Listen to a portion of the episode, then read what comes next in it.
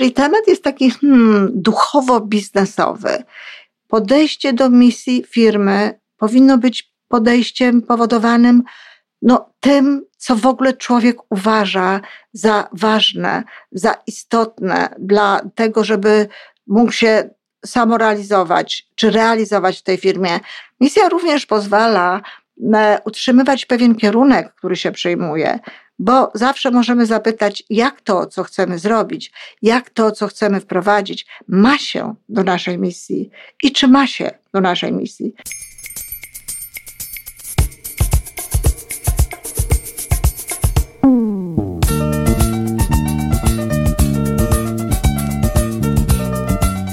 Witamy w kolejnym odcinku podcastu Żyjmy Coraz Lepiej. Podcastu z dobrymi intencjami i pozytywną energią, ale także z rzetelną wiedzą i olbrzymim doświadczeniem we wspieraniu rozwoju osobistego. Chodzi nam o to, aby ludziom żyło się coraz lepiej, aby byli coraz bardziej spełnieni, radośni i szczęśliwi.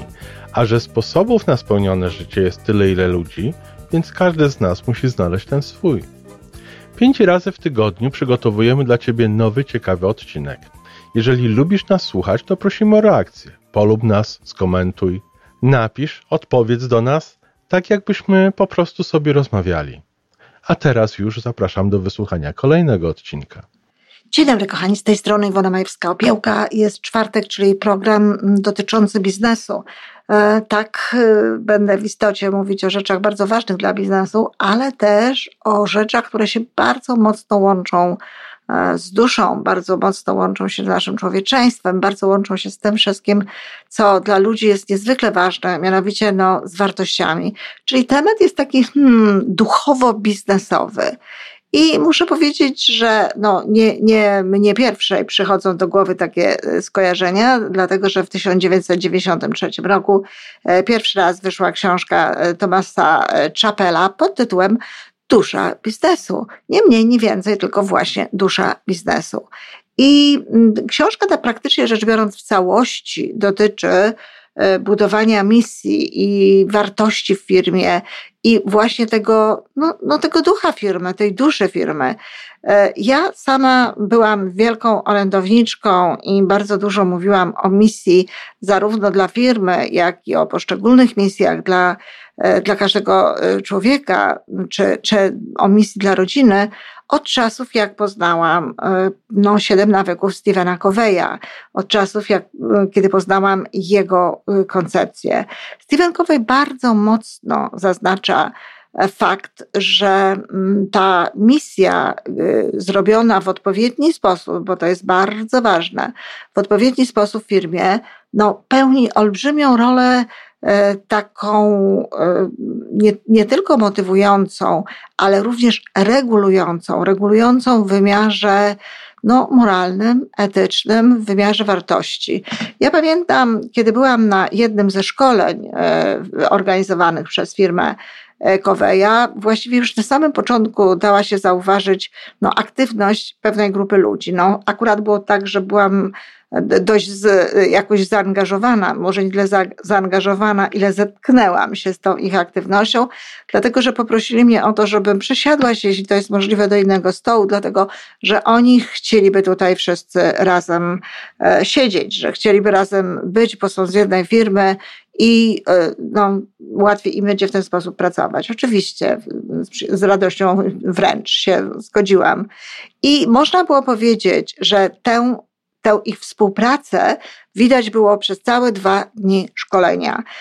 Tak naprawdę to w ogóle sam fakt, że było tyle osób z tej firmy, już może świadczyć o tym, jakie wartości panowały w tej firmie, jakiego rodzaju podejście do pracowników, skoro pracowników szkoli się w taki sposób, że na, uwierzcie mi, bardzo kosztowne e, szkolenie wysyła się kilka osób, dziewięć osób chyba było e, z tej, z tej firmy, no to już świadczy o tym, że na pewno rozwój pracowników ma się tam bardzo na uwadze. Zresztą, jak przyszło do, e, do misji, jak przyszło do takiego punktu, no bo zawsze e, w szkoleniach dla firm e, siedmiu nawyków skutecznego działania, no ta, ten, ten fragment o misji musi być. Więc jak przyszło do tego szkolenia na temat misji, okazało się, że tylko oni potrafili wyrecytować wręcz swoją misję. Reszta ludzi na pytanie, czy ma czy wasza firma ma misję? Mówiła, no chyba coś ma, no tak ma, coś tam wisi u szefa i tak dalej, i tak dalej. Nawet nie do końca wiedzieli, czym ta misja jest. Natomiast ci ludzie z tej firmy, nie tylko, że powiedzieli, tak, oczywiście mamy misję, możemy ją powiedzieć, to ją powiedzieli, wyrecytowali całą tę misję. Oczywiście e, były tam wszystkie te wartości, które, tak jak powiedziałam, można było obserwować w czasie e, tej, tej, tej, tych dwóch dni, w sposobie, w jaki pracowali, w jaki odnosili się do siebie, a też tą chociażby za sprawą tej liczby, ile tych osób było. Tak, misja firmy jest bardzo ważna. Um, bardzo możliwe, że mm, Thomas Chappell miał do czynienia z książką Stevena Coveya, choć nie wspomina niczego na ten temat, natomiast mówi o tym, że kiedy sam zaczął, chciał pracować ze swoją firmą, e, ze swoimi menedżerami, z ludźmi i chciał, aby stworzyć misję, aby y, stworzyć taki dokument, który mógłby ich wprowadzać w trochę nowy, w inny etap. Oni produkowali produkty, ale e, o, o podłożu naturalnym, ale on chciał to jeszcze jakoś bardziej wszystko mm, e, sprowadzić do tych produktów naturalnych i w ogóle do, do jakichś takich jeszcze lepszych relacji e, ze środowiskiem dookoła. I zaczął od tego, że zaproponował do przeczytanie takiego eseju filozoficznego Martina Bubera, E, w którym jest, no właściwie można byłoby przetłumaczyć ten, e, ten rozdział jako ja i Bóg, e, czyli to tam jest no, takie chyba określenie dla Boga, ale wiadomo, że chodzi tutaj o to. I zebrał tych swoich menedżerów gdzieś w jakimś ładnym miejscu, wyjechali i po prostu rozmawiali o tym eseju. Zaprosił jeszcze jakiegoś um, profesora z, z, z, z tego wydziału no, teologii, jakbyśmy może powiedzieli, e, Harvardu i pod, on jakby prowadził tę dyskusję, prowadził tę rozmowę. Rozmawiali luźno o wartościach, w ogóle nie o firmie, tylko o tak sobie po prostu, co w życiu jest ważne, jakie sprawy są ważne i tak dalej, i tak dalej. Dopiero potem, po tej dyskusji, już w innym czasie, zaczęto rozmawiać o misji, ale wtedy już to podejście do misji było inne. I to jest ogromnie ważna sprawa. Podejście do misji firmy powinno być podejściem powodowanym no, tym, co w ogóle człowiek uważa za ważne, za istotne dla, dla tego, żeby mógł się samorealizować czy realizować w tej firmie, żeby się dobrze czuł, żeby miał poczucie, że ma, bierze układ w czymś większym, że bierze udział w czymś naprawdę ważnym, istotnym, że te jego codzienne 8 godzin, no jest, ma głęboki sens, że czemuś dobremu się służy. I y, w, w takich rozmowach no, powstają zazwyczaj takie wartości i takie misje, które bardzo dobrze służą potem e, firmom i powodują, że no, łatwiej jest e, ludzi zatrudniać, bo wtedy wychowuje, znaczy jakby informuje się ich, no i wychowuje, to jest też dobre słowo, przez ten pierwszy okres, no, na, na misji, czyli na tych prawach i na tych zasadach, na tych wartościach, które e, zostały opracowane i wybrane, no i jeżeli się kogoś zwalnia, czy dyscyplinuje w jakikolwiek inny sposób, no to też w oparciu o misję, na zasadzie na przykład takiej, no, że ten punkt czy inny punkt tej misji został e, na tyle pogwałcony, że no, nie widzimy szansy na dalszą współpracę. Misja również pozwala e, utrzymywać pewien kierunek, który się przyjmuje bo zawsze możemy zapytać, jak to, co chcemy zrobić, jak to, co chcemy wprowadzić, ma się do naszej misji i czy ma się do naszej misji. No jeżeli się nie ma, to sprawa jest prosta. E, rezygnujemy z tego, nie bierzemy tego, nie wprowadzamy. No, mówię tutaj o misji, mówię o tym, w jaki sposób, e, co ona daje i dlaczego, dlaczego jest potrzebna, i że jest to rodzaj no, dokumentu, e, z którym w firmie można pracować. Ale ja sama wielokrotnie pomagałam firmom w y, robieniu tego rodzaju misji, w przygotowywaniu tego rodzaju misji. No, y, jedno, o, trochę mówiła e, o tym ze mną w rozmowie na moim Facebooku Daria Dudkiewicz, z której firmą współpracowałam w tym zakresie. E, być może lekko dotknęła również tego tematu w swojej rozmowie e, z Tomkiem Kniatem, ale Daria i firma Agrolog, rewelacyjna, wspaniała firma, firma, to jest firma dla mnie, która jest takim przykładem książkowym. Nawiasem mówiąc, namawiam Darię już e, kilka lat, żeby napisała taką książkę. Jest dla mnie przykładem książkowym, jak warto jest prowadzić misję, jak to się robi, jak można to zrobić w dużej firmie, jak potem wychowywać ludzi, y, wdrażając tę misję, jak być jej przez cały czas wiernym. Bo tylko wtedy ta misja pomaga, jeżeli się w taki sposób ją traktuje. Firmy mają misje, mają misje, które zrobił im ktoś na zlecenie, jakaś firma PR-owska, czy jakaś inna, żeby to ładnie brzmiało, żeby to ładnie wyglądało gdzieś tam na, nie wiem, na pakiecie emisyjnym, czy na informacji dotyczącej e, tej firmy. Mają jakieś twory, które no, stworzyli menedżerowie, nie konsultując kompletnie z innymi pracownikami i ulegając na przykład urokowi czy, czy, czy sile e, swojego szefa, który tutaj e, proponował takie, a nie inne ujęcie pewnych punktów. Tak, te misje są i wiszą gdzieś, nawet są napisane. Wiszą gdzieś być może właśnie u prezesa, dyrektora, czy w jakimś innym miejscu, może w miejscu spotkań, ale nikt tak naprawdę tych misji nie zna, nikt z tymi misjami nie żyje i szczerze, bardzo często jest tak, że y, nawet jak tę misję czytają, to nie bardzo rozumieją, y, co ona tak naprawdę znaczy. No wiem, co mówię, dlatego że pytałam o takie rzeczy w firmach i prosiłam nawet, aby mi wytłumaczono czasem, kiedy już dostawałam tę misję do ręki, co to znaczy. No i bardzo często wyglądało to właśnie w taki sposób. I tak stworzona misja nie ma żadnego znaczenia. Ona niczego, niczego dobrego nie daje, a nawet może dawać rzeczy niedobre, bo jest kolejnym złudzeniem, kolejnym, no, nie lubię słów takich mocnych, no ale trzeba. Kolejnym fałszem w firmie, co, który to pracownicy widzą i naprawdę nie zwiększa to ich morale, a raczej wprost przeciwnie. Czyli misja ma sens tylko wtedy, jeżeli jest autentyczną misją stworzoną przez e, pracowników, jeśli nie przez wszystkich, to przez gro tych pracowników e, w taki sposób, żeby no, reprezentowała jakby myśl tych osób, które w tym momencie w firmie no, są i które jakby dotykają przynajmniej tego procesu tworzenia misji. Że w momencie, kiedy ta misja powstaje, żeby to nie było, że ktoś stworzył, ktoś narzucił, ktoś teraz daje i oczekuje, że my będziemy to to respektować, tylko żeby to wynikało z tego, że tak, my tak myślimy, my się z tym zgadzamy, my chcemy, żeby nasza firma funkcjonowała w zgodzie z takimi zasadami i tak, te wartości faktycznie są dla nas ważne. Oczywiście w misji zawsze musi być też element y, zysku, firmie, w misji takiej firmowej, zresztą w misji osobistej e, też bardzo mile widziany jest punkt, widziany jest fragment mówiący o pieniądzach, mówiący o dobrobycie. To jak najbardziej jest potrzebne. No ale trudno sobie wyobrazić firmę, która nie miałaby tego w swojej misji. No ale to jest tylko jeden z elementów. I zazwyczaj gdzieś znajduje się, no, na ostatniej pozycji. Co się dzieje, kiedy firmy nie mają misji? No, wiele firm nie ma misji. Czasami jest, no wiecie, jak w firmie, normalnie, raz lepiej, raz gorzej i tak dalej.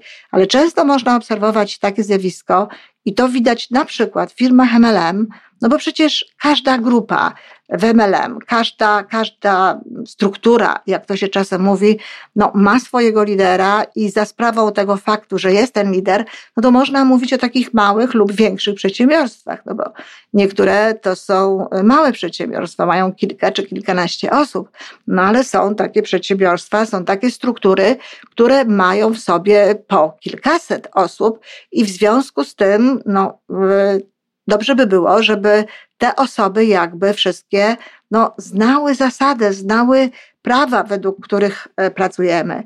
Można powiedzieć, no przecież są prawa firmy. No przecież e, dana firma, która tworzy i pracuje na zasadzie MLM-u, ma swoje, ma swoje prawa, ma swoje zasady i tak dalej.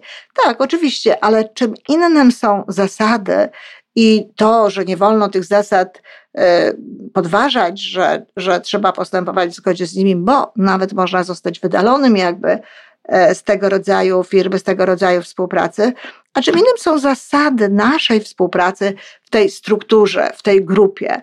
Nie, nie, rzecz nie w tym, żeby tutaj tłumaczyć, jakby e, w jaki sposób się układają te struktury i o co to chodzi. Uwierzcie mi e, na słowo ci, którzy nie znają MLM-u, że są to takie dość skomplikowane struktury, na dodatek no, bez e, umocowania, jak już mówiłam w jednym z wcześniejszych w jednej z wcześniejszych audycji, bez umocowania takiego dyscyplinarnego. Nic właściwie nie można zrobić. Więc tak naprawdę to te właśnie grupy bardzo mocno potrzebują misji, potrzebują takiego cementu moralno-etycznego, który by ułatwiał to, to działania.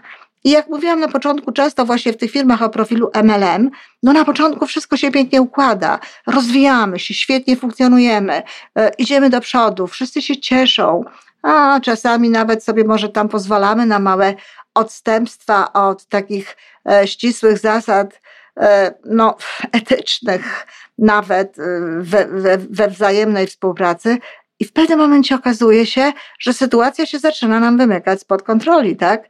E, przez to, że no, nie pracowaliśmy w zgodzie z jakimiś wartościami, że liczyło się na to, że nasze wartości są wspólne, że w podobny sposób traktujemy, że oczywiste rzeczy są dla nas wszystkich oczywiste i że wszyscy to jednakowo rozumiemy, raptem okazuje się, że nie.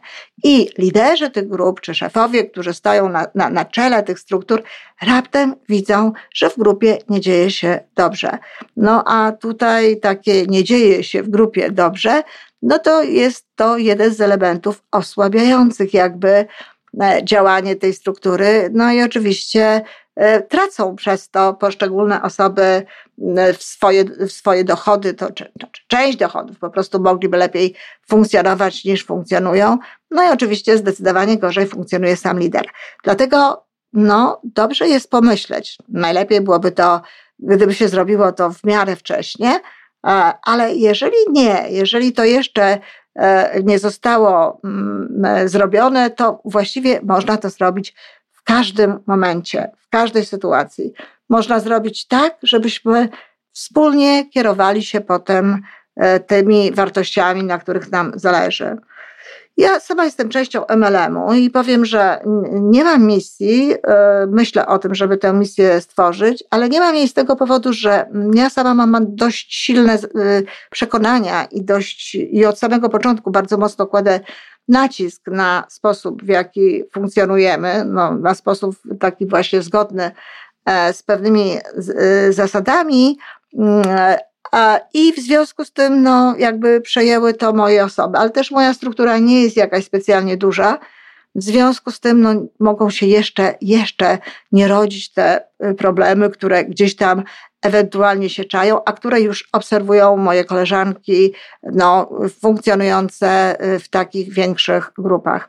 E, sama zresztą też zamierzam wprowadzić tę, y, tę, tę misję. Chcę popracować e, nad nią z moimi mm, mm, członkami tej mojej struktury, no przynajmniej z tymi, z którymi e, można to zrobić, z częścią. I tutaj w tej części i w drugiej następnej części chcę pokazać i podpowiedzieć, jak można taką misję zrobić, jak można ją zrobić w firmie tradycyjnej i jak można ją zrobić właśnie no, w firmie takiej, jaką jest MLM. Czyli dzisiaj wystarczy y, to, i chciałabym, żebyście w to mocno uwierzyli, że misja jest bardzo potrzebna.